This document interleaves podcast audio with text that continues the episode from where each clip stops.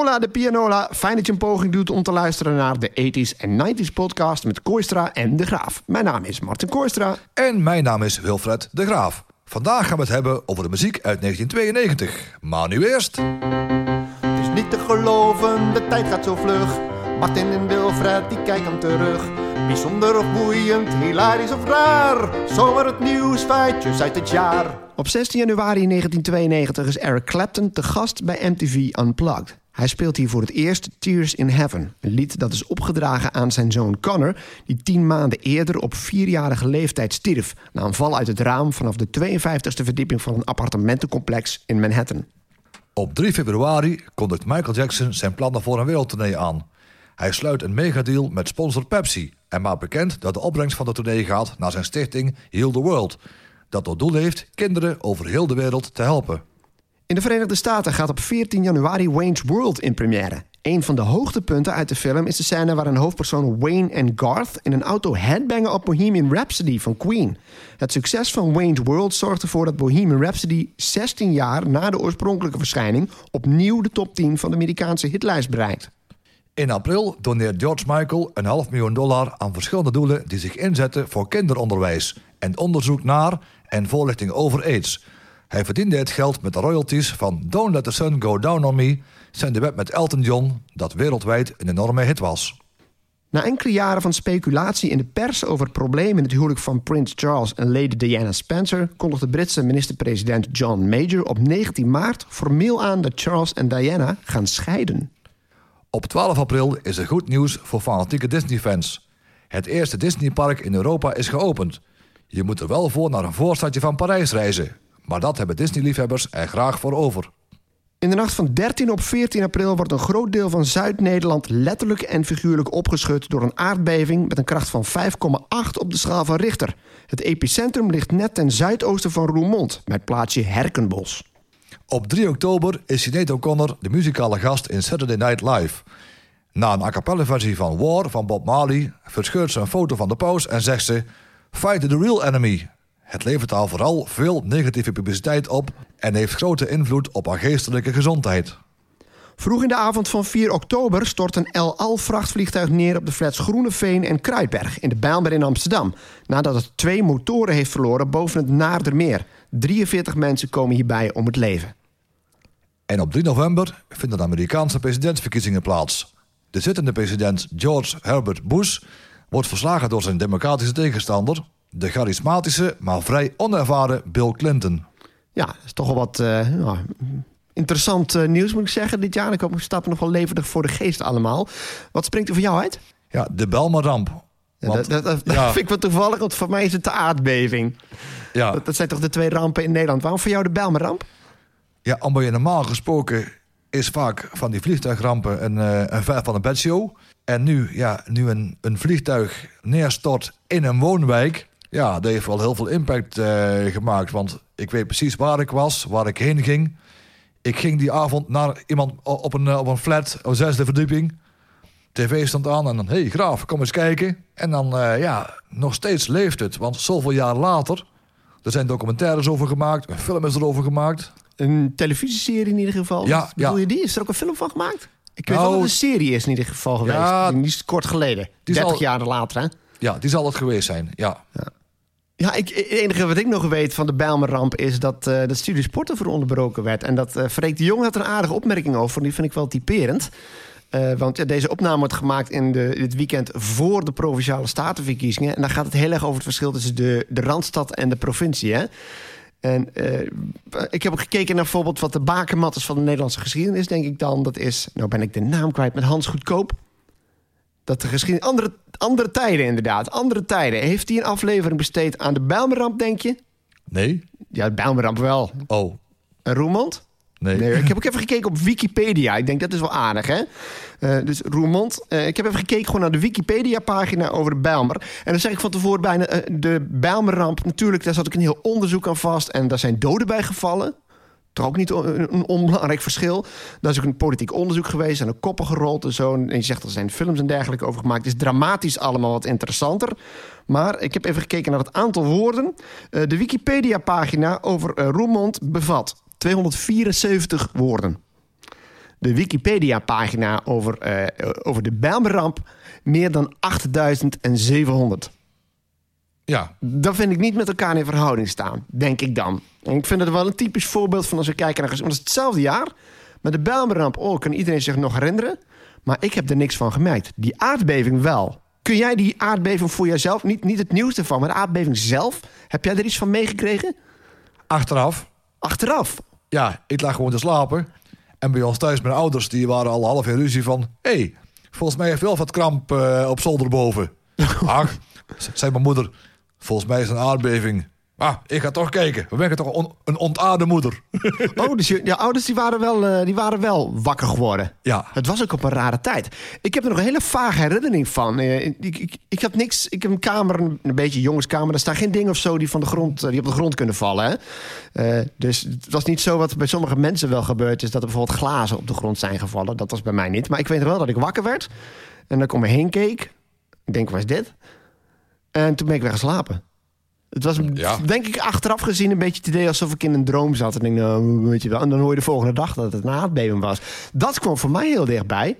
Eh, en ja, die, als je zegt mensen, nou 1992, wat gebeurde er in Roermond? Denk ik dat heel veel mensen denken van, eh, was er iets met carnaval of zo, weet ik veel.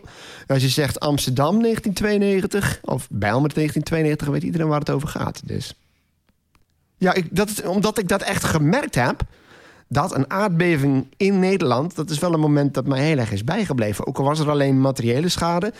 Maar je hoort er ook eigenlijk nooit met iemand over. En de Bijlmerramp wel, dat vind ik wel typerend. Ja.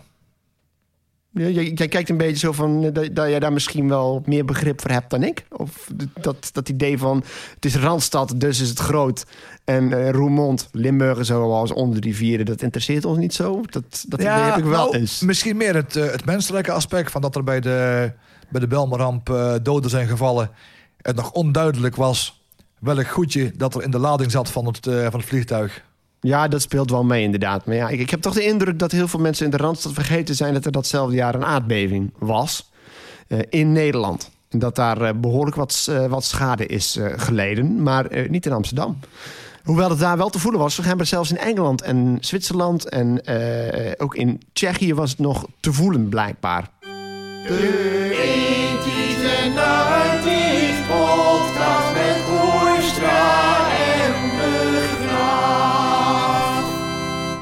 En dan zijn we nu aangekomen bij onze muzikale top 10 van 1992.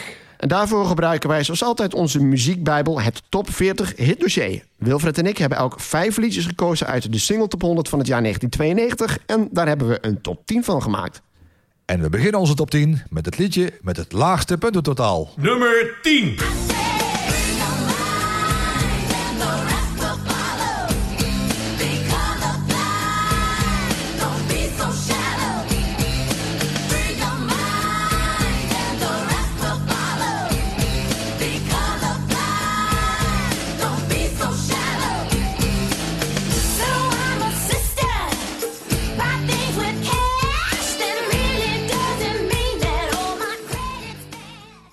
Aan Vogue, Free Your Mind, geschreven door Thomas McElroy en Denzel Foster. Behaalde 173 punten, stond acht weken genoteerd en bereikte de zevende plaats in de top 40. Je bent een rund als je met vuurwerk stunt. Oh, nee, sorry. Dat, eh, daar moet ik aan denken als ik dat liedje hoor. Zegt jou niks? Eh, nee, is hij misschien gebruikt in een campagne? Ja, daar ken ik er voornamelijk van. Want we werkten toen allebei in die periode eigenlijk in de radio. Ik, ik, be- ik begin nou op een gegeven moment te voorzet, maar goed, ik hou het kort. We werkten toen allebei eh, bij lokale radio. En dan had je van die promotjes die je dan op het half uur uitzende. En een van die promo's, ik heb hem nog ergens op cassettebandje staan. Nog een opname van mijn eigen programma. En daar ken ik hem eigenlijk van. Dan kreeg je een stuk van Free Your Mind. En dan... Je bent een rund als je met vuurwerk stunt. Onderdeel van de vuurwerkcampagne. Maar goed, jou, door jou gekozen. Vertel. Ja, dat klopt. Eh, ja, ik vind het een, eh, een, mooie, een mooie samenzang van, van, al, die, van al die stemmen. En Vogue is ook een, ja, is een Amerikaanse R&B. Een Amerikaanse R&B popgroep. En ja, die hadden nog meer hitjes. Die hadden op een duur ook een, een grote hit, eh, My Lovin'. Never gonna get it, never gonna Never get gonna it, ja. never gonna get it. Dat vind ik een mooi stuk, dat stukje a cappella. Dat daar, ja, eh, dat vind ik ook heel zit. mooi. Want ik heb, een- ja, ik heb een beetje het idee dat eh, uit Nederland... eh Oh Jean misschien wel geïnspireerd is door En Vogue. Ik moet vooral denken aan Close to You. Ja, ja. Die zijn iets, die, eind jaren 90 dan, maar die vind ik er ook heel erg op lijken. Sterker nog, wat is hun grootste hit? Baby Don't Go. En ook een hit van, eh, eh, eh, ook een hit van. Moet even kijken of het een klein iets andere titel. Ik zoek hem even op hoor, maar eh, sorry, vertel verder. Ja, en wat ik ook mooi vind in het nummer van eh, het nummer eh, Free Your Mind, dat vind ik ja, een, een, een hele stoere sound. En lekkere drums, gewoon lekker bam, gewoon, gewoon geen twijfel, gewoon vol. Ja, en natuurlijk het, eh, ja, het, het a cappella stukje, ja, dat, is, dat, dat blijft gewoon geniaal. Daar maakt waarschijnlijk ook gewoon het trio echt een, of het, ja, het... Het, de- de- de het is een kwartet geweest. Kwartet het is een beetje geweest, hetzelfde als met, eh, met Tom McKitten. Dat waren er ook eerst vier en dat zijn er toen uiteindelijk drie geworden. Of vijf of vier of zo. Spice Girls trouwens ook. Waren het er vijf, werden er vier. Dat is met Dan Vogue ook. Het liedje dat ik bedoelde trouwens, dat had ik moeten weten, is Don't Let Go. Baby, don't go. Oh, ja, ja, ja, ja, ja, ja. Ken ik ook, ja. Nou, En Vogue, dat zette echt wel gewoon een beetje de bar, zoals dat heette. Dat, dat was de maatstaf voor langs alle volgende girlbands. En dat waren er aardige wat. werden gemeten. Destiny's Child natuurlijk ook. Rechtstreeks lijn kun je trekken van En Vogue naar Destiny's Child. Een wat stoerdere versie van, eh, van bijvoorbeeld The Supremes. Ja. Maar ik las ook, en dat vond ik wel interessant, te vergelijken met de Pointer Sisters. Oh, ja. Want de Supremes is toch allemaal wat braaf, hè? Baby love and stoned love and you can't handle me love. En wie was de zangeres van de Supremes? Diana Ross. Diana Ross, ja. En wie Ja. was de zangeres van de Pointer Sisters? Er was geen leadzangeres. En dat was bij eh En Vogue ook niet. Daar wisselen ze dat af. En ik moet zeggen, ik vind het... Het, is een beetje, beetje van allebei. Een beetje Pointer Sisters en Ja. ook een beetje Supremes. Maar dan met een moderne klank. En Aan Volk is, eh, is ook helemaal niet onverdienstelijk qua, qua platenverkopen en zo. Want ze hebben, ze hebben wereldwijd meer dan 30 miljoen platen verkocht. En ze worden vaak beschouwd als een van de meest invloedrijke R&B-groepen uit de jaren 90. En ze hebben zeven MTV Music Video Awards eh, gehaald. Drie Soul Train eh, Awards, twee American Music Awards... en zeven Grammy-nominaties hebben ze ook gewonnen. Hoor je ze nog wel eens op de radio eigenlijk? Ja, ik hoor ze op Veronica nog wel eens. Eh, Oké, en welke liedjes dan? Deze ook? Free Your Mind? Ja, heb ik wel eens gehoord, ja. En ook eh, vooral Don't Let Go. Don't Let Go. Oké. En, en van Don't Let Go is wel een, best wel een mooie danceversie van. Ik zit te denken, voor mij heb ik die nog wel eens gehoord. Onder, dus de vraag natuurlijk onder welke naam, maar dat weet je ongetwijfeld. Of schiet je dat nu zo te binnen? Nee, ik weet, ik weet niet meer welke naam dat het, eh, dat het is. Maar dat was echt gewoon, ja, waar, waar een liedje met, met, met heel, heel basis qua instrumentaal. En dan de sample van eh, What You Gonna Be. Ah. Ja. Ja, ik vind het wel op, opvallend. Zo. Nou ja, ik luister niet zoveel radio. Eh, ik ben het, het is eigenlijk logisch. We zeiden al, eigenlijk alle meisjesgroepen die daarna kwamen... eh, die kon je vergelijken. Van, zitten die op hetzelfde niveau als En Vogue? En we hebben een Tom Kitten en All Saints... en we, wat noem ik nog meer? Spice Girls eigenlijk ook al enigszins. Destiny's Child dan als meest... Maar we hebben er nog een aantal gehad die ik nou vergeet. Kun je er zo eentje noemen? Hoe heet het ook weer uit, eh, uit Nederland? Ja, Close to You. Ja.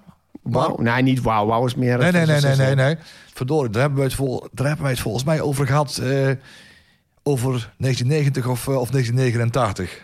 Kan niet Centerfold zijn. Dat was natuurlijk later, Nee. veel eerder. Dat was veel, ja, dat was veel eerder. Ja, Je hebt niet, heb niet toevallig een titel, want dan Nee, kan ik nee, het nee, opzoeken. nee. Oh, Kijk, ja. mij, eh, Oh. nou ja, deel, het hier, deel het in de reacties of zo. Stuur ons eventjes een berichtje om, eh, om te achterhalen over wie we het eigenlijk hebben. Misschien komen we er zo nog wel op, in ieder geval. ja Maar- misschien wel. Ja, maar dit, dit is gewoon heel erg invloedrijk geweest. En, ja, ik, ik ga even de hitjes nalopen hoor. Hold on, hold on to your love. Of, hoor jij die nog wel eens? Nee. Nee. Lies, tipparade, my loving, you never gonna get it, hebben we het over gehad. What a man, what a man, what a man. What... Dat was met Salt and Pepper. Ja, Tuurlijk, ja, ja, ja. Ook een hit en die plaat werd nog wel eens gebruikt in de reclame, volgens mij, van, eh, van een cola-merk. Ook nog, ja. Dat, Dat zat ik te denken. dat er zo'n zo'n mooie man, zo'n mooie man was er aan het, eh, aan het glazen wassen. En dan stonden ze echt te kwijlen voor de ramen zo. Eh, what a man. Ja, inderdaad. Nou, dan hebben ze er ook nog aardig wat eh, centjes... Althans, de componisten daar ook nog aardig wat eh, centjes mee verdiend, hoor. Don't Let Go, wordt het over gehad. Ja. Eh, riddle vind ik ook leuk. One little riddle, two little, three little, four little riddle... five little riddle, si- six little, seven little riddle. Ik verkloot hem helemaal, hoor. Nog een keer opnieuw. Knip. One little riddle, two little, three little, four little riddle... five little, six little, seven little riddle... eight little riddle, now you know... you gotta do, go... Verkloot ik het weer. Nou, laat maar zitten. Nou, ik er mijn boot van. En eh, you, don't have to wor- eh, you Don't Have to Worry About a Thing. Ook een heel erg lekker liedje. Nummer 9.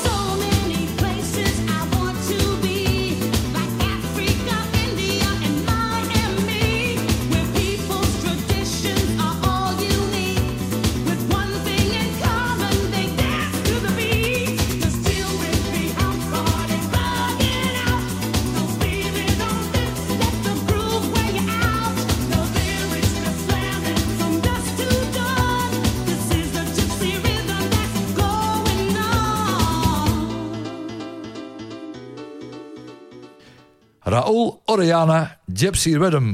Geschreven door Raoul Oriana, Geme Stinus, Arthur Skeet en Jocelyn Brown. Behaalde 205 punten, stond 9 weken genoteerd en bereikte plaats 8 in de top 40.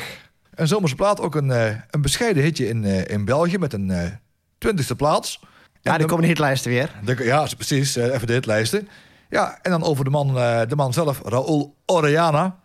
Ja, die begon zijn carrière als, eh, als resident DJ in een nachtclub. Studio 54. Je zal het misschien in Spaans... eh, misschien dat jij weet hoe het, hoe het in Spaans uitspreekt, 54. Eh Gincante Cat, Ja. weet ik veel, iets, iets in die trant. Nee, ik ken alleen Ca- Carante Tres. eh. Ja, een drankje. nou, dat, had, dat had je nou niet moeten zeggen. oh, quarante, quarante tres. Ja, voor onze, voor onze generatie is die laatste ook nog een, eh, een, een stukje sluikreclame trouwens. Maar goed, Ja. En dat is hij eh, begonnen in 19, eh, 1982. En dat heeft hij tot 1994 heeft hij daar gedraaid. En hij stond ook bekend als auteur van verschillende mix-cd's. Waaronder de Bolero Mix, 1 tot en met 5. De Raoul Mix, Studio 54 Connection Volume 1 en Volume 2. En de Holiday Mix. wacht, wacht, dat snap ik even niet. De Holiday Mix, bedoel je dan, dat is een beetje zoals zo'n zo'n jaarmix CD? Ik denk dat je het een beetje moet zien. Als, dat, als we naar Spanje gingen, had je vaak van die eh verzamel-cd's. En dan stond eh, of helemaal vooraan, of helemaal achteraan... een soort van, van mixje van pakweg 10 minuten... met de hitjes die erop stonden. Bijvoorbeeld ook... Ik heb, Ah ja. ik heb bijvoorbeeld heel veel van de, de Ibiza-mix. Ah, oké. Ik heb Dance Smash Hits. Of je die serie kent. Daar heb je ook wel eh, altijd wel eentje van. Dat is een mix van vijf minuten of zo... waar dan hele korte fragmenten in voorkomen. Maar je hebt ook eh, de, illegale... De Ali Illegali, zullen we zeggen, die we ook wel eens hebben gehad... die bracht ook nog wel eens een jaarmix uit. Dat is dan in een uur kwamen er iets van 80 fragmenten voorbij. Ja, dat ging lekker rap. Ja, maar dit zijn dus korte mixen, denk jij, die van uh, Raoul Oriana? Ja. Oké. En op een uur ging hij zich eh, naast het mixen bezighouden... met het maken van eh ja, housemuziek met een gitaartje erin... En in tegenstelling tot The Real Wild House bevat Gypsy Rhythm geen, ja, geen samples. Nee, ook weinig gitaar volgens mij. Of, of heb ik dat gewoon even gemist? Ik las dat ook. Ik ging een beetje over hem zoeken. En dan hoor ik allemaal ja, Spaanse gitaren. Maar in Gypsy Rhythm, ook dat, dat fragment dat dan eh, hebben gebruikt hiervoor... dan hoor ik dat niet zo. Het is, alleen maar het is alleen maar misschien het, het, het, eh, het hoofddeuntje van, van, een paar, eh, van een paar noten... wat, eh, wat in de sampler eh, lekker aan het, eh, aan doorlopen is. Ja, maar hoe verklaren wij, of hoe verklaar jij... dat het hierbij gebleven is? Het was een producent, eigenlijk in de tijd dat die dancemuziek... en zeker ook een beetje die, die vakantie, dat zomerse en zo heel erg in was... en toch maar één hitje eigenlijk. Ja, ehm, welke, hoe heet je ook weer die andere die jij noemde? The Real Wild House. Ja, maar dat was... Ik ga kijken eventjes ondertussen of die in de top 40 hit dossier stond. Maar dit was eh, zijn uitschieter en daarvoor en daarna eigenlijk. Hoe Ja. kan het? Het, eh, het maken van een hit, tenminste als een plaat een hit wordt... is vaak zo afhankelijk van, van factoren. Het moet allemaal op zijn plaats vallen. Misschien wel de tijd, misschien wel, misschien wel ja, dat een bekend iemand een plaat, een plaat, in, een plaat eh, vaak draait... en dat het daarom bekend eh, wordt... Ja, en dat wat we zien, en dat is wel wat later moet ik zeggen... is dat al die discjockeys... Dan noem je een David Guetta en Tiesto en zo, en die hebben dan één hit. En vervolgens produceren de ene na de andere. En Raoul Oriana staat een beetje in het begin. Het is trouwens wel opvallend dat... ehm, waarin staat hij? Even aanwijzen daar. De Real Wild House, die was 2,5 jaar eerder. Dat was 1989 al, dus er zit ook nog veel tijd tussen. Ja, Maar het is misschien toch later gekomen dat er een soort traditie werd... dat een discjockey een hit had en vervolgens eh oh, hoeft hij die naam maar te noemen... en dan werd het een hit. ja misschien was het nog bijna aan het, eh, aan het gegeven... dat discjockeys eh platen gingen maken. Nou.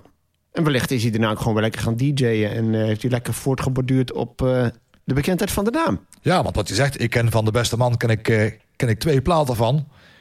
En dat zijn, eh, zijn allebei typische barbecue eh, platen.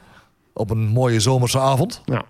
En featuring natuurlijk, daar is weer, Jocelyn Brown. Jocelyn Brown. Ja, gegarandeerd dat als je die erbij hebt... Ja. dat is een beetje, Ja. kan iedereen een hit krijgen. Dus ook Carola Oriana. Ja, precies. Wil je Die vergeten we even te noemen. Dat, Ja, dat is misschien ja. wel het verschil. Ja, ja, precies. Wil je een hit? Huur ze in. Jocelyn Brown. Nummer 8.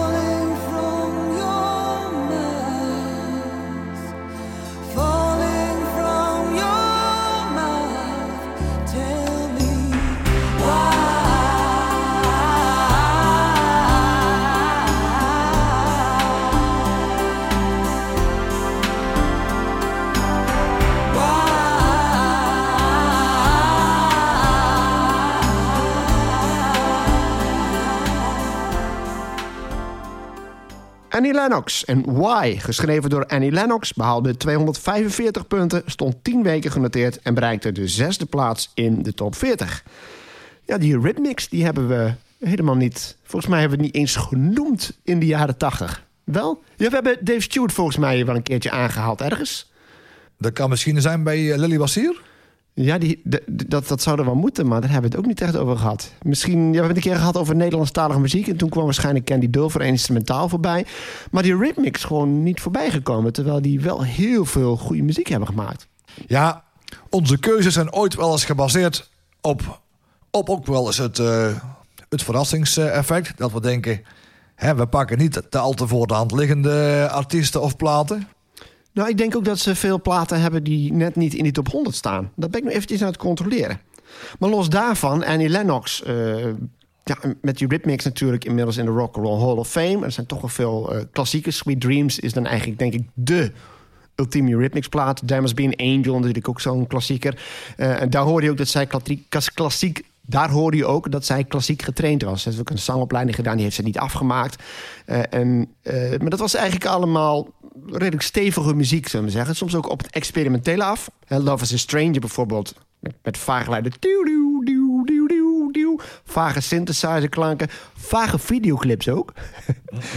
En toen ging ze solo en voor het eerst eigenlijk was er een liedje wat, waarvan je echt dacht...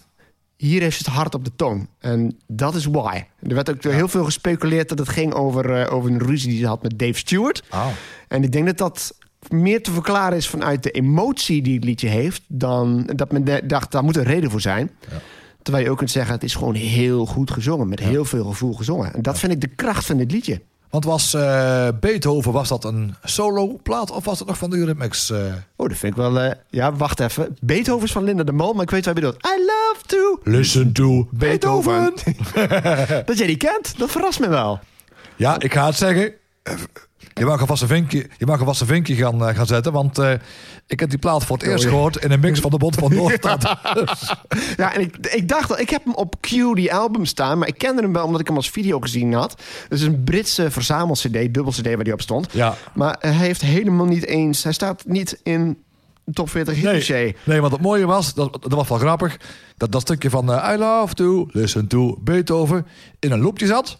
En eronderdoor zat al heel de opbouw van Pop Up the Volume. Ook in zijn opbouw zo. En dan ging hij. Ja, dat was gaaf. Dat was, eh, De bond van doorstaters, dames en heren. ja. Ik ben ook even bij die Rhythmics aan het kijken. Die hebben drie keer een top 10 hit gehad. Nou, twee hebben er genoemd. Sweet Dreams en There Must Be an Angel. En de derde, ik betwijfel of, eh, of mensen die nog kennen. Sex Crime? Sex Crime. Go- Crime. Crime. 1984. Uit die hele goede film trouwens. Overigens, ik had je nog een linkje gestuurd. Want ze zat, eh, voordat ze begon als die Rhythmics... zat ze nog in The Tourist. En hebben ze in Engeland een paar hitjes gehad. Dat is leuke muziek.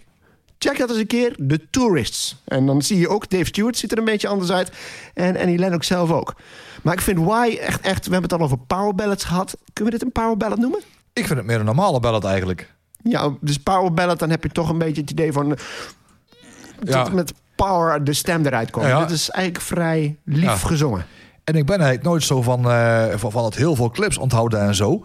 Maar deze clip stond me wel bij. Want als ik me, eh, ja, als ik me goed kan herinneren... was het een clip waarin Annie Lennox... dat, eh, dat, dat ze helemaal van, van naturel... tot helemaal tot een ware diva werd opgemaakt. Was dat die videoclip? Ja, dat, ik weet dat wel. Dat er een videoclip is waarin ze op een gegeven moment ook van die roze... eh, zo'n tooi heeft. Nou, je het hebt over diva. Ik ben niet zo van de kleding. Maar dat ze in zo'n showkleding... achtig Ja. iets zat. Zeg, ik denk dan de Showbiz Quiz is zo. Eh, en het album maar heet natuurlijk Diva. Eh, Over power ballads trouwens, om daar nog even op terug te komen. Ik denk het verschil tussen een ballad en een power ballad in één liedje samen te vatten is. En dat is I Will Always Love You. Whitney Houston. Power ballad. Dolly Parton. Ballad. Zeg ik dat goed zo, denk je? Ja. Nummer 7.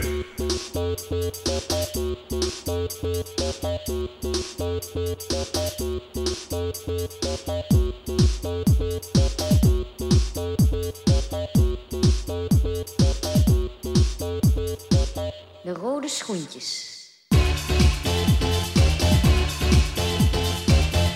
Balschoentjes.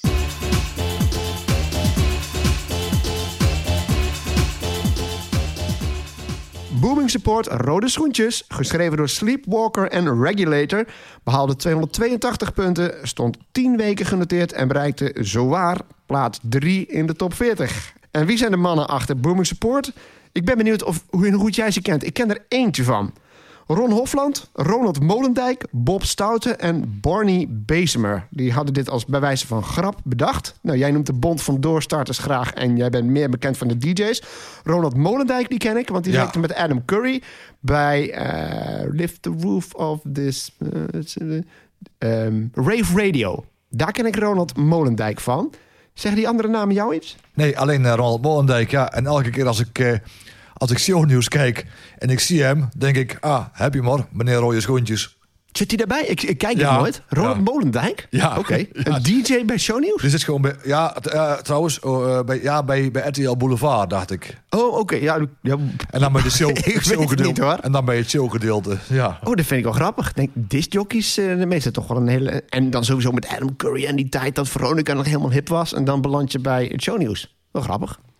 Maar ja, Ja. Boom- Booming Support. je hebt al meer van dat soort novelty acts, zullen we zeggen. En ik vind het idee wel heel gaaf. Met die muziekjes eronder en zo.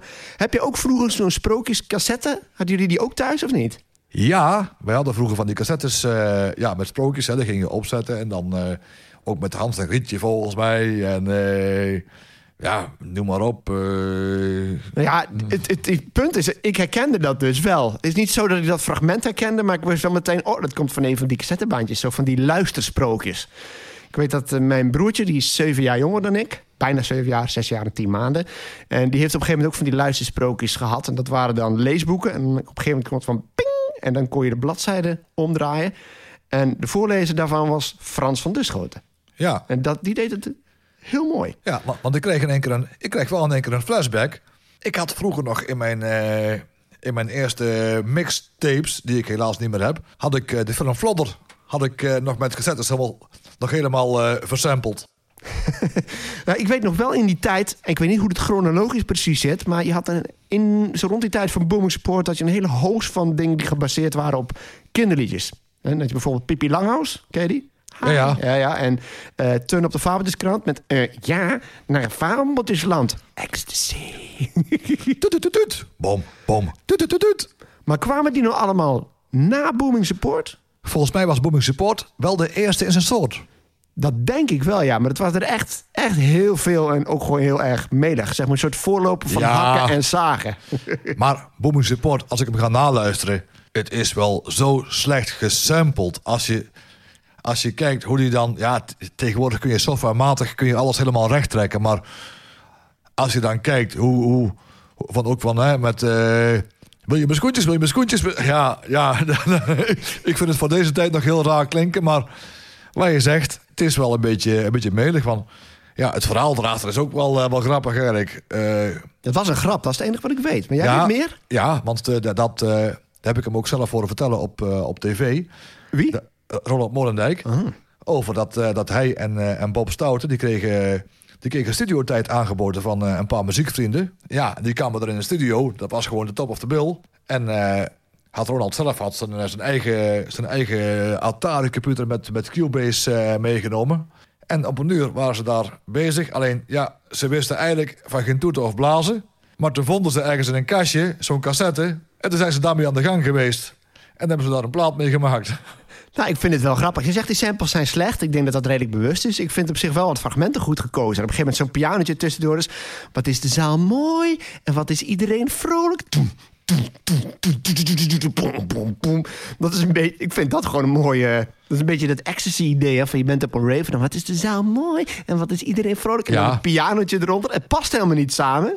Want het deuntje, het deuntje op zich hebben ze nog niet eens zelf gespeeld. Want het deuntje is van de Italiaanse houseplaat F16. Ook nog eens een keer gejat. Alles is gejat. Dat wist ik niet. Alles Ja. is gejat. Maar het typeert wel een beetje de jaren negentig. Want dan is er iemand die heeft een goed idee dat er jatwerk is. En wat krijg je dan? Dan gaan anderen daar Ja. weer versies van maken. Met Ja, als bekendste denk ik dingetje. Kaplazen. Een rubberen kaplaars inderdaad. Maar wat ik bedoel met, eh, met van slecht gesampled... is dat eh, de kop en de staart van het fragment... ja, dat kon veel, veel en veel netter. Ja, je zou denken, ik kon het misschien een beetje versnellen... dat het qua timing allemaal paste. En nu was het meer zo van... we plakken het Ja. achter elkaar... en we kijken dan wel of het, of het past in de beat, zullen we zeggen. Ja. Maar we hadden nog een variant, hè, minder bekend. Want je had Kaplazen, dat was ook een top 10 hit trouwens. En je had ook nog de Feetlickers. Toem, toem, toem, toem, toem. Dat is het raadsel van de stuk gedanste schoentjes. Ja. Daar ging het wel van. De rode schoentjes. Stuk gedanst. Niets is zo erg voor de rode schoentjes. Stuk gedanst? Wat vertel je me nou, oude vrouw? En ik vermoed dat dat nagemaakt is en dat het niet van een, eh, van een cassettebandje komt. Tenzij iemand het sprookje van de stuk gedanste schoentjes kent. Maar ik vermoed dat dat niet bestaat. Nummer 6. One, two, three, techno.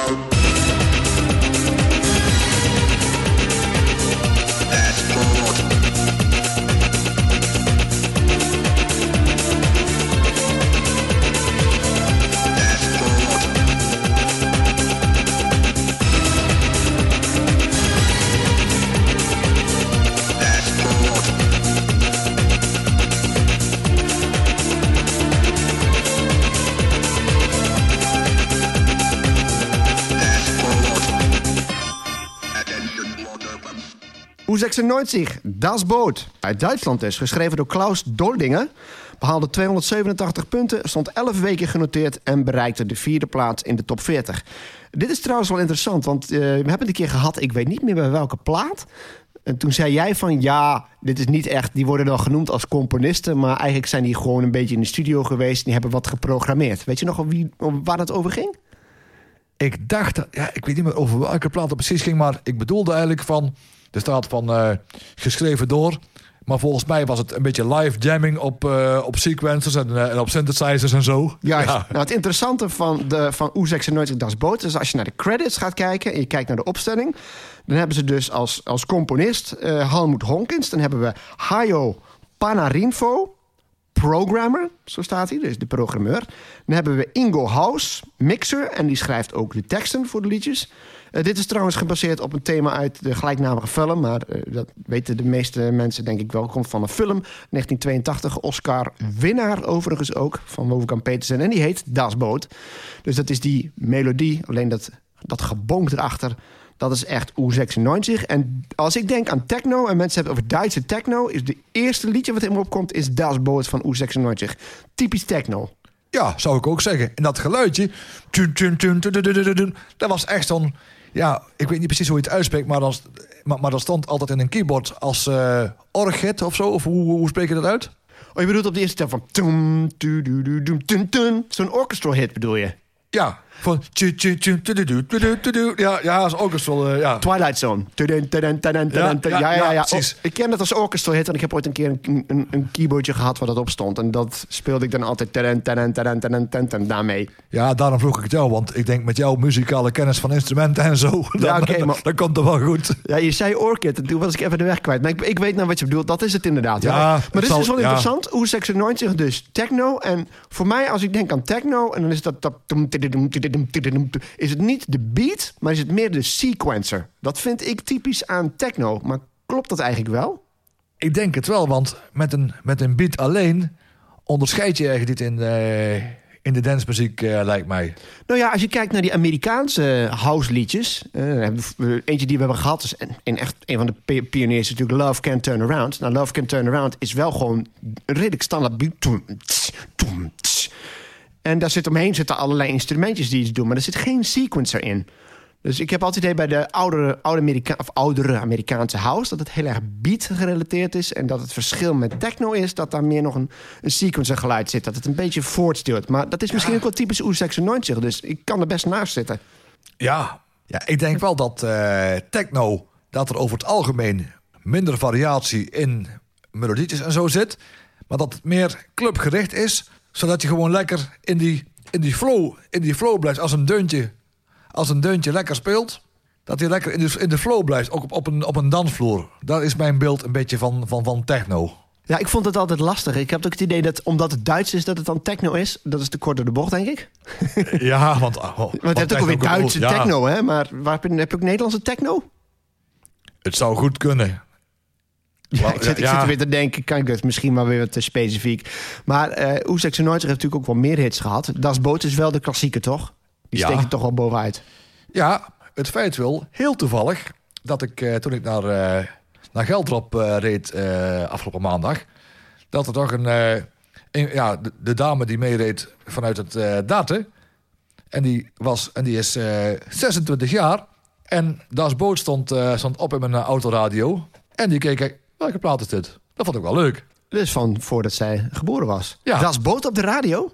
Dat moet er Nee, wel... nee, Dat moet... nee, nee, niet op de radio. Ik had, eh, ik had een playlist opstaan van, eh, van Decibel. Dus jaren negentig vooral en, eh, en wat zerootjes.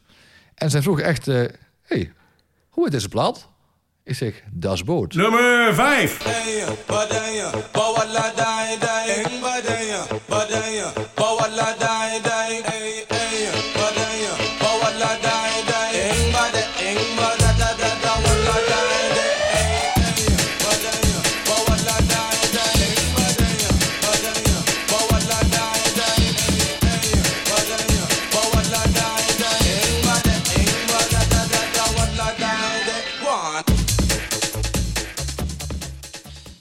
SL2, onder Raga Tip. Geschreven door Slipmat en Lime. Behaalde 386 punten, stond 13 weken genoteerd en bereikte plaats 3 in de top 40. Ja, we hadden het net over Sleepwalker en Regulator bij Booming Support. En nu is het uh, Slipmat. Ze hebben wel gevoel voor humor.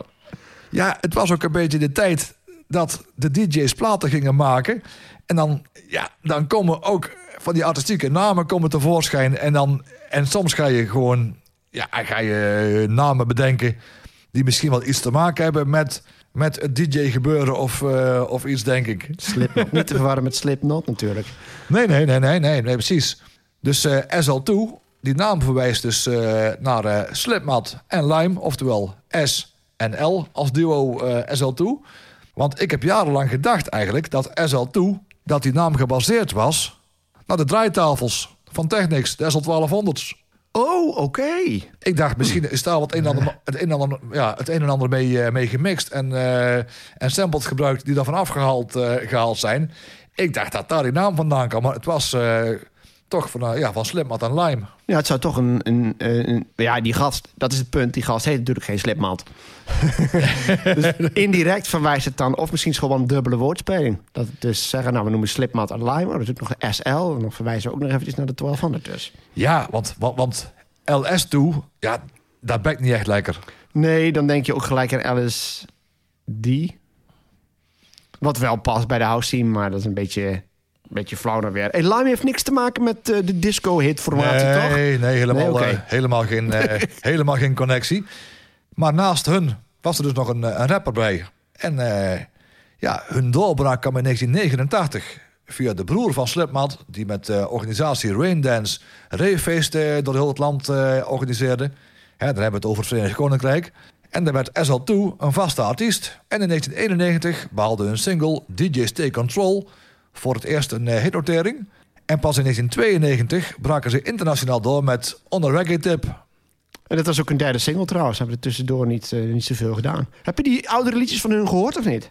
Nee, Do That Dance, dat was de eerste. En eh DJ's Take Control, die vind jij leuk. Want er zitten namelijk wel heel veel samples in. ah oké. Is echt een samplefeest. Dit trouwens ook, hè? Ja, en als we het hebben over de hitnoteringen. In, in Ierland een derde plaats. En in België slechts plaats 42. Oh, oké. Want de single, eh, ja, de opvolger ervan, Way in My Brain... ja, dat was een mindere, een mindere plaat qua, qua noteringen. Je hoort ook wel, ook wel het verschil eigenlijk. Soms hoor ik wel waarom de ene plaat wel een hit, een hit wordt... en de andere plaat niet. Het moet net, net de, de, de mix van de factoren hebben... om een, om een dikke hit eh, te worden. En- Wat, wat, is het dan, wat is het dan hier? Want jij kiest hem ook. Waarom? Wat maakt het dan zo leuk of aan? Ja, ik merkte, ik merkte nog eh, toen ik op vakantie was in, eh, in Spanje.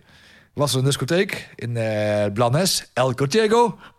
Dat was wel leuk. Daar werden elke avond dezelfde platen gedraaid. Ongeveer in dezelfde volgorde. En dan was altijd de combinatie qua mixen. Was dan poing. En daarna kwam... poing. Proost. Proost. Ja, dat was poing. En daarna kwam standaard SL2. En tijdens die plaat op een of andere manier eh, was er ook een beetje ingebakken dat er dan een, eh, ook eh, in de discotheek ook, ook rook kwam en, en lasers. En de, kamer, en, de, en de rook vormde zich een tunnel om die lasers heen. En dan tijdens Poing en SL toe was dat op de dansvloer ja, een beetje zo feest. En, en ik weet niet of het dan komt door, de, door die tekst of zo. Hey, hey, Da- buddy, ik- dat is het verschil. Dat andere is iets, da- daar zegt hij iets vaags. My brain. En dit is, my brain. Ja, dit is niet zoveel aan. Dit is gewoon taddy, en je moppelt maar wat en je doet mee, weet je wel. En het idee van die... die het, het is ook de, een beetje de bakermat van de jungle, wat later jungle werd. Maar het is ook de enige hit in die soort. De enige Ja. andere die ik ken nog is... ehm, I'm gone sending to outer space, Ja, Prodigy. ja, ja, precies. En dat is het volgens mij. Of ken je Ja. nog een, een, een hit of hitje dat ook in die categorie valt? Nee, ook niet. Terwijl Maar- jungle wel heel populair is geworden, maar meer Ja, ja. Nooit, nooit echt in de, in de hitparades meer. Dat wel af, vind ik wel opvallend. Want dit is denk ik wel een liedje dat je op een 90, op een 90s party.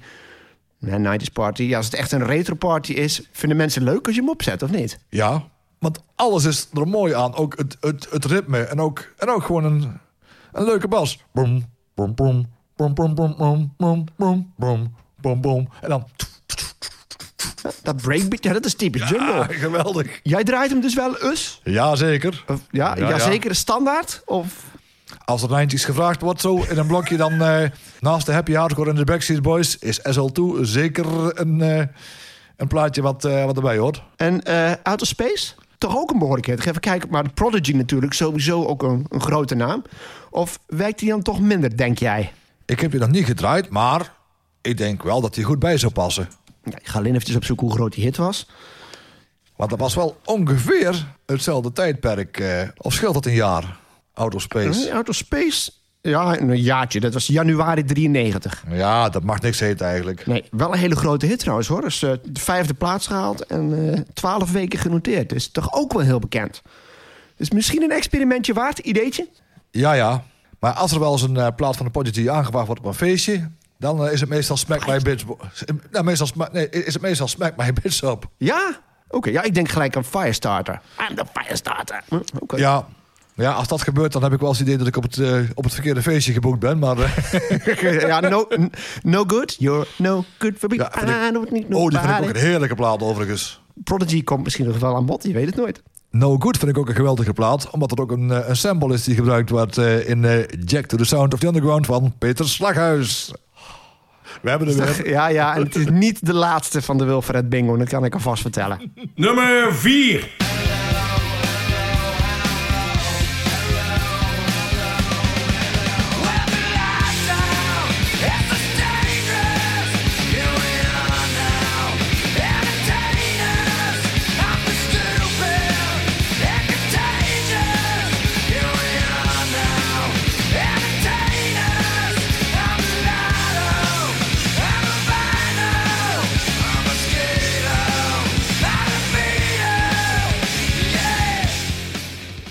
Nirvana, Smells Like Teen Spirit, geschreven door Nirvana, behaalde 428 punten, stond 15 weken genoteerd en bereikte de derde plaats in de top 40. We hebben gelijk een vraag voor jou, want in de vorige aflevering hebben we het gehad over ACDC, Thunderstruck, ging over 1990. En toen zei hij, nou een blokje metal of hard rock als dat aangevraagd wordt, ACDC, ja. En toen noemde hij als enige andere op dat moment Guns N' Roses Sweet Child of Mine. En toen, we hier, toen ik hierop op ging voorbereiden, dacht ik... En Nirvana dan? Draai jij die wel eens? Wordt die wel eens aangevraagd eigenlijk? Ja, die heb ik volgens mij nog gedraaid afgelopen eh, november bij een feestje bij een, eh, bij een motorclub. Oké. Was het een, een redelijk standaard publiek, gangbaar publiek of niet? Het was wel een, eh, een fijn publiek. Maar ik merkte wel dat ze wat meer rock en gitaar georiënteerd waren. Oké. Hoe was je ervaring dan? Want ik, ik voel, ik proef daar een beetje uit dat je deze misschien nog nooit eerder had gedra- gedraaid, of toch wel? Ik heb die ongetwijfeld wel een keer gedraaid. Toen ik misschien nog in de, op eh Straat om Zijn draaide. Als ik wel eens wat, eh, wat plaatjes eh, zo deed. Maar voor de rest eigenlijk niet. Nee. Ik vind het, dat vind ik wel opvallend op Stratums Eind. Want ik weet dat nou, Hein, eh, die draaide de tijd in Gemert. En die zei altijd, er zijn een paar liedjes die je die niet kunt draaien. Want dan weet je gewoon, het wordt ruzie. En een daarvan was bijvoorbeeld eh, was Beastie Boys. You gotta fight for your right. En eh andere was Killing in the Name. Killing in the Name of. En dan denk ik, deze, Lijkt me toch ook eentje waar als de stemming erin zit... misschien wel de verkeerde kant op kan gaan. Maar hoe, viel- hoe viel die op dat feest, dit liedje? Ja, goed. Oké. Ja. Nou, het is een anthem van de jaren negentig. Het is eigenlijk de. Nou, het Ja. is niet de eerste grunge-plaat, maar het is wel. Ik bedoel, je had ook Pearl Jam. Die waren net iets eerder volgens mij. Maar ik weet nog wel dat. eh, ik werkte toen in een supermarkt. En er was een collega van mij. die was helemaal into Nirvana. En ik had er nog nooit van gehoord. Dus die heeft daar een half jaar. heeft het constant gehad over. Oh, Nirvana is zo vet. En toen kwam dit. Toen, in het begin moest ik wat wennen. Uiteindelijk ben ik toch dat album gaan kopen. Waarschijnlijk toen Come As You Are uitkwam. Dat was denk ik, het, geloof ik, want we hebben het over 30 jaar geleden. Meer dan 30 jaar geleden. Was dat het moment dat ik denk van, weet je wat, laat ik het album eens luisteren. En het is goed geproduceerde plaat hoor. En dit, ja, het is wat uitgekoud zou je bijna kunnen zeggen. Maar ja, de energie is er nog steeds. Wat vind jij eigenlijk hiervan? Ja, op alle fronten ook een, eh, een goede plaat is een soort. Ken je ook de, trouwens de parodie, ik moet het toch even noemen, van Will Yankovic, Smells Like Nirvana? Nee, nee, nee. Ik zeg laatst nog een interview, was bij Arjen Lubach notabene. Want hij had opgetreden in Tilburg. Om een of andere reden heb ik dat gemist. Want ik heb al een aantal keer gekeken op Weirdo Jankovic van... wel, zou die keer naar Nederland komen? Maar ja, dan kijk je een aantal keer en dan zie je altijd alleen maar de Verenigde Staten. En dan ineens blijkt hij al in Nederland geweest te zijn. Eh, maar die belde altijd, eh, de, belt altijd de artiesten van tevoren op... om te vragen of hij parodie mag maken. In principe hoeft hij dat niet te doen... Maar hij vraagt het wel altijd netjes. Hij had toen een truc bedacht. Via via heeft hij uiteindelijk toch Kurt Cobain aan de lijn gekregen... om daar toestemming voor te krijgen. En die vroeg ook, eh, die dacht ook van... Goh, wordt het zoiets als Edith? Ze nee, dat wordt het niet. Het gaat over dat, het, eh, dat je teksten zo slecht verstaanbaar zijn. Nou, dat kon Kurt Cobain wel, eh, wel waarderen. Want dat is het wel. Ook als je de tekst leest... want de inlee van het album, daar staat een deel van de tekst op... dan denk je nog... Ja, oké, ik weet nou wat hij zingt... maar word ik er iets wijzer van? Niet echt. Maar het is wel een van de anthems van de jaren 90. Nummer 3.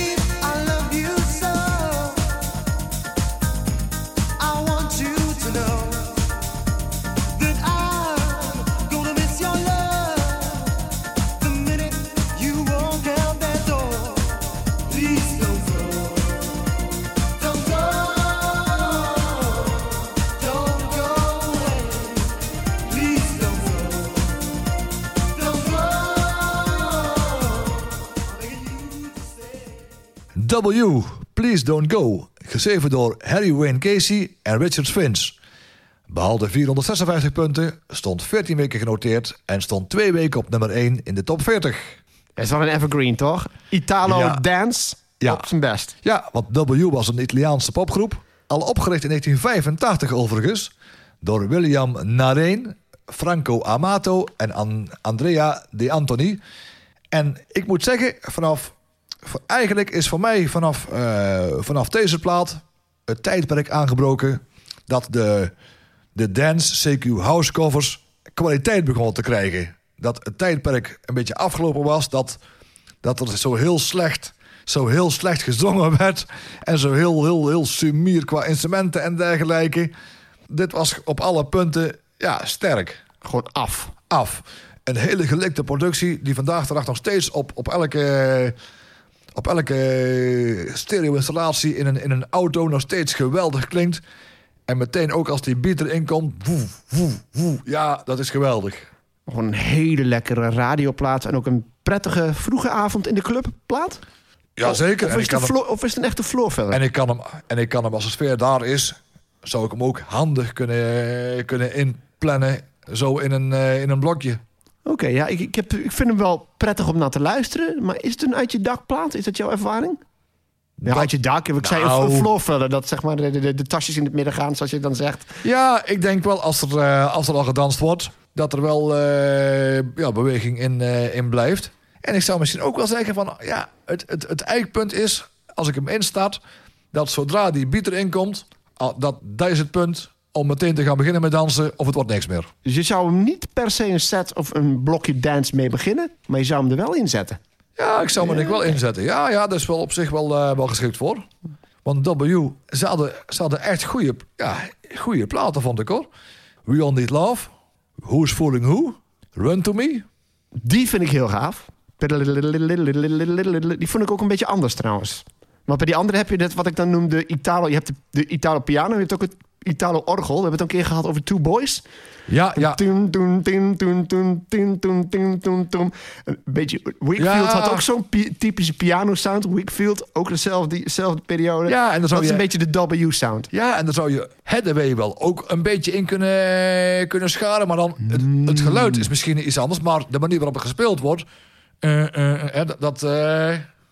dat eh, Nou, dat vind ik toch wel appels met peren vergelijken. Hè? Dan weet je, kom, eh, kom misschien eh, nog wel aan bod. eh, eh, eh, eh, eh, dat, is, eh. dat is een hele andere sound dan dit, dit, dit, dit Nee maar, nee, nee, maar het gaat niet over de sound. Het gaat over de manier waarop. Komt misschien nog wel aan bod. Daar hebben we, kunnen we nog aardig over discussiëren. Misschien, misschien dat Hathaway nog wel aan bod komt. eh, denk ik volgend jaar zal dat dan eh, mogelijk zijn. Eh, Ja, we gaan het erover hebben. Toen er net iets alsof we dat Nee, niet weten. Maar die, komt, die komt nog langs, Hathaway. Dat weet ik zeker. Ja, ja, want toen de tijd maakte ik natuurlijk radio bij, eh bij Mistral Radio in Geldrop. Dat was voor mij ook, ja, daarom is voor mij ook 1992 een, eh, een belangrijk jaar eigenlijk. Ik begon met radio maken. Ik kwam in contact met, met leuke mensen met dezelfde hobby. En dan kon ik mezelf ook helemaal ontplooien als het ware. En ook dat je je, je, je, je gedachten kon uitwisselen. En toen die tijd ook was ik heel vaak in de studio. En dan, als er dan nieuwe platen waren, die zowel op, eh, op vinyl eh, gekocht werden als soms op eh, cd, dan bekeek je alles. Je keek ook labels. En dan zag ik ook dat de plaat uitgebracht was van W op het beruchte Z Griekse I X label. Wat is er zo berucht aan? Nou, dat was de hofleverancier van de Italo. Ah, oké. Ja, maar dat is toch niet berucht dan? Had die zo'n slechte naam? Nee, een goeie. Oh, oké. Ja, ja, ja, berucht denk ik. Want, Mm. want ik wist ook, die platen, dan wist ik ook, die productie is gewoon goed.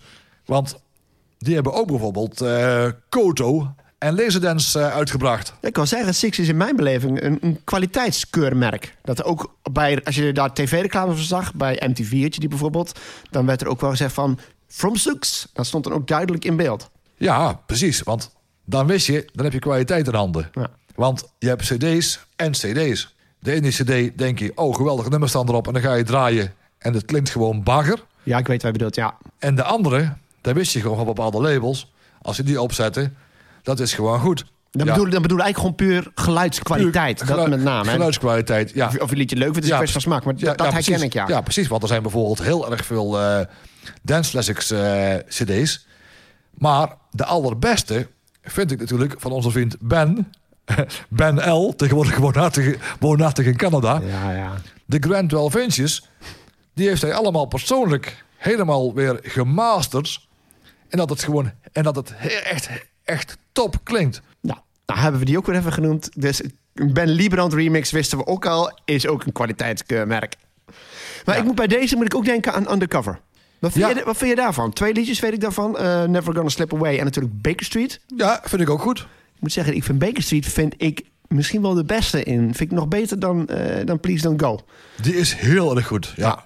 Maar dan hebben we het volgens mij ook wel eens een beetje gehad. Of is er nog een, een redelijk succesvolle artiest die ook in, dit, in dat rijtje past? W, Undercover.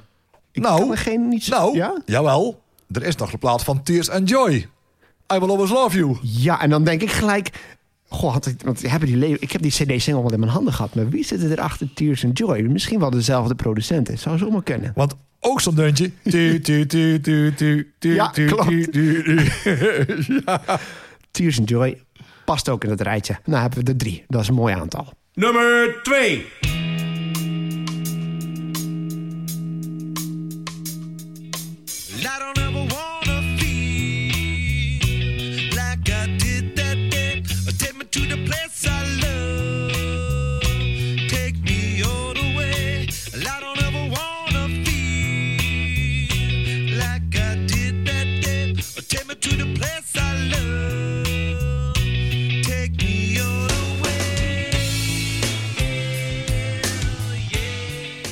Red Hot Chili Peppers Under the Bridge. Geschreven door de Red Hot Chili Peppers. Behaalde 461 punten. Stond 15 weken genoteerd. En prijkte drie weken op nummer 1 in de top 40. Dus weer een nummer 1 hit. Weer een rockplaat. En net als Smells Like Teen Spirit. Dat zijn nog niet liedjes waarvan je denkt... Denk als je dat nu laat, laat horen aan een jong publiek... dat de jaren 90 niet heeft meegemaakt. Daar hoef je niet jong voor te zijn... maar in ieder geval te jong om de jaren 90 te hebben meegemaakt dat ze niet direct zullen zeggen van... goh, dat zal vast een grote hit geweest zijn.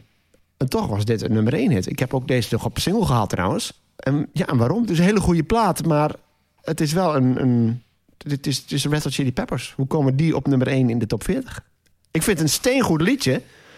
Maar ja, de Red Hot Chili Peppers hebben wel meer van dat soort liedjes gehad. Vooral later, hè? Die zijn daarna ook Ja. wat meer de popkant op gegaan. Je zou misschien de vergelijking kunnen maken met, met de platen die, die misschien tegelijkertijd in de top 40 stonden. Nou, ik weet dat Guns N' Roses ook met eh, Knocking on Heaven's Door ook een hele grote... Was dat dit jaar? Ik pak even de top 100 erbij. Dat was, ja, Guns N' Roses was ook 1992. Ja, die is Want, dat was- want dat werd ook altijd gedraaid in de beruchte discotheek in Blanes.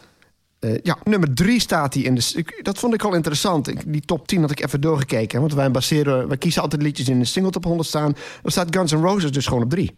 En eh, Under the Bridge op acht. Guns N' Roses... eh, trouwens nog eentje van Guns N' Roses op nummer 13. De, de ultieme klassieker November Rain. Oh ja, Jeetje, als je het toch hebt over, eh, over rock. eh, ja, dan is het verder van alles wat. Metallica, Nothing Else Matters, ook 1992. Ah.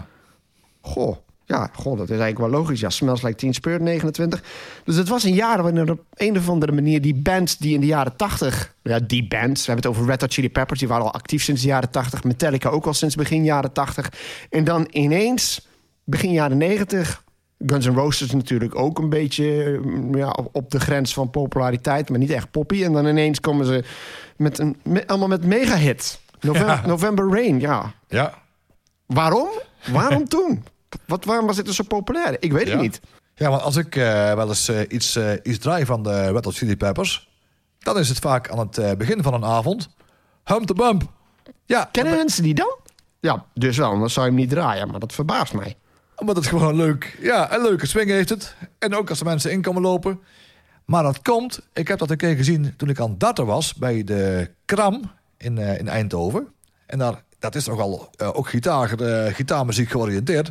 Ik had die daar gehoord zo. En dan, ik zag al die, die, die, die positiviteit van die mensen zo. Toen ze het liedje horen. Ik denk, oh, die kan ik wel een beetje gebruiken als eh, inloopplaat bij sommige feestjes. Daarna nog Give It Away. Ook een goeie, maar Hump the Bump dus. Dan moet ik die toch eens een keer gaan luisteren. Nummer 1.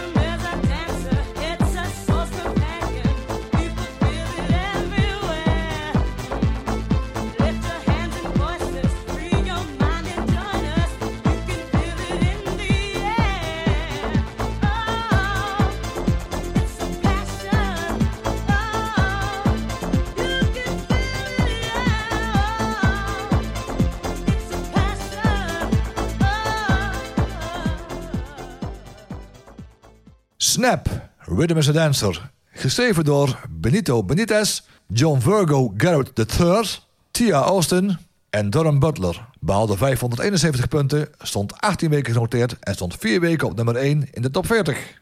Volgens mij is het de eerste keer dat wij de nummer 1 uit de jaaroverzicht bespreken. Dat zou goed kunnen. Was een nummer van de, van de Duitse Eurodance groep eh, Snap. Hè, we kennen die natuurlijk van, eh, van The Power. De data zeker, ja. Ja, ja, ja. Ze hebben wel meer hits gehad. ja, Nou, toch een goed alternatief. eh, heb je toch nog een goed alternatief voor It's My Life gevonden? Hè? Want wij, anders had je, je wilde eigenlijk It's My Life doen, 1992. Ja, ja, ja, heb je niet, ja, dan maar Snap. Ja, maar Snap is ook interessant. Want Snap was eerst eigenlijk een soort van studio... eh, ja, meer een studiogroepje. En ook een... een, een het is ook een, een, een act. En niet echt een groep, want ze hebben al verschillende samenstellingen gehad. Ook qua, qua zangeressen en, eh, en zo. Want ze hadden dus... eh, eerst hadden ze een, eh, een studioprojectje van Michael... Michael en Luca Anzilotti. En die waren nogal aan het experimenteren met, met drumcomputers en synthesizers en, en sequencers. En die testen dat uit in een club waar ze draaiden, in de Dorian Gray. Een van de eerste en grootste clubs die Duitsland ooit gekend heeft. En dan, het was vaak zo dat eh, als ze aan het experimenteren waren met, eh, met de muziek... op het moment als er vaak gevraagd werd, als die eens afgedraaid hadden van... hé, hey, wat was dat? Dan wisten ze van, ah, we moeten qua sounds en qua, qua ritmes en qua, qua geluiden en zo... en qua drums, moeten we een beetje deze kant op gaan... als we weer een plaat gaan, eh, gaan maken, want hier reageert het publiek op. Ja, en Snap, die, is, die hebben allemaal top 10 hits gehad. eh, even te veel te zijn hoor. The Power was nummer 1 hit trouwens. 417 punten. Ook een nummer 1 in het 14 weken genoteerd. Oops Up, nummer 2. This is the Code of Snap, nummer 7. Mary had a little boy, nummer 2. Megamix, nummer 6. Ook nog een Mega X waar al die hits die ze al hadden gehad in zitten. Toch nummer 6. Color of Love. Eh, dan kwam Rhythm with the Dancer. Daarna nog Exterminate. Heel vet. Ja. Ook nummer 4. Do You See the Light? Ja. Do You See... Nu- nummer 5. Welcome to Tomorrow. Nummer 8. En The First... The The Last Last Eternity. Eternity. nummer 2. Dus dat zijn 1, 2, 3, 4, 5, 6, 7, 8, 9. Dat zijn 11 top 10 hits achter elkaar. Daarmee moeten ze ergens op een, een lijstje van Ja. records hoog staan. Ja, Snap wordt ook wel de, de moeder van de Eurodance eh, genoemd. En ik vind ook met zo'n, met zo'n palmares aan... eh, met, met zo'n lijst... Ja, dat mag het best gezegd worden. Maar Rhythm, eh, Rhythm eh, is het Dancers de eerste die echt up tempo was. Want de power... doe, doe, doe, Ja. Oops. Ja. Up. Side your head. This is the code of snap. Mary had a little boy. Dat was allemaal een beetje meer soul-to-soul tempo. The Ja. Color of Love komt er iets meer in de buurt. En Rhythm is a Dancer. Eh, ik denk als je drie liedjes uit het jaar moet noemen... die een beetje dat jaar samenvatten... dan hebben we het over It's My Life, Rhythm is a Dancer en Mr. Vane. En die zijn alle drie anders... maar hebben toch ook een beetje het- hetzelfde dit. Wat Ja. maakt dit nou tot zo'n geweldige plaat eigenlijk? Waarom werkt dit? Ja, ik weet het niet, maar vanaf het moment als ik hem opzet... is het meteen weer feest. Het is wel iets van, het is meteen... Wat ook is bij, eh, bij Mr. Vane, waar je natuurlijk ook meteen krijgt. En It's My Life ook. Het is binnen, binnen, een, paar, binnen een seconde herkenbaar. Ja, meteen. Welke van die drie is je favoriet? Ja, dan ga je het vragen, hè.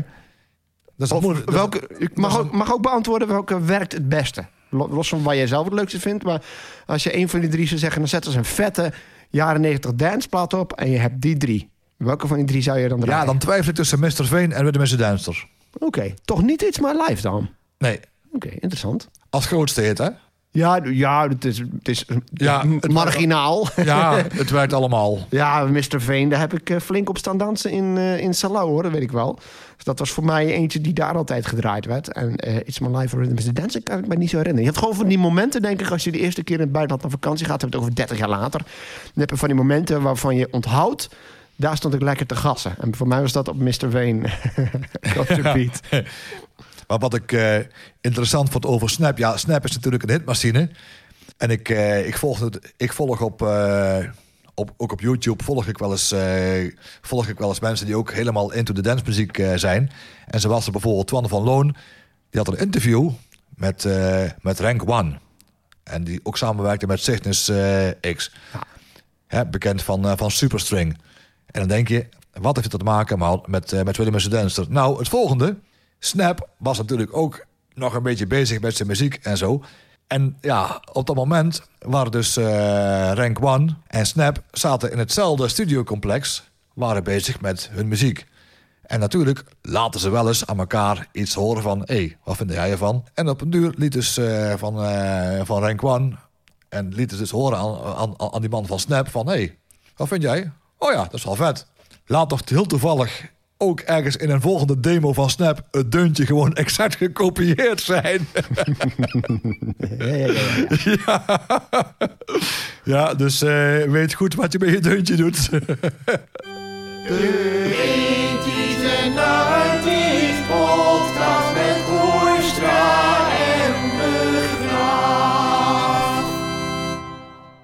Als we, als we dan terugkijken op wat we besproken hebben, eh, wat zijn de conclusies? Hebben al een paar dingen genoemd. Eh, het is een beetje de opkomst van de, de, de foute danceplaten, zullen we maar zeggen.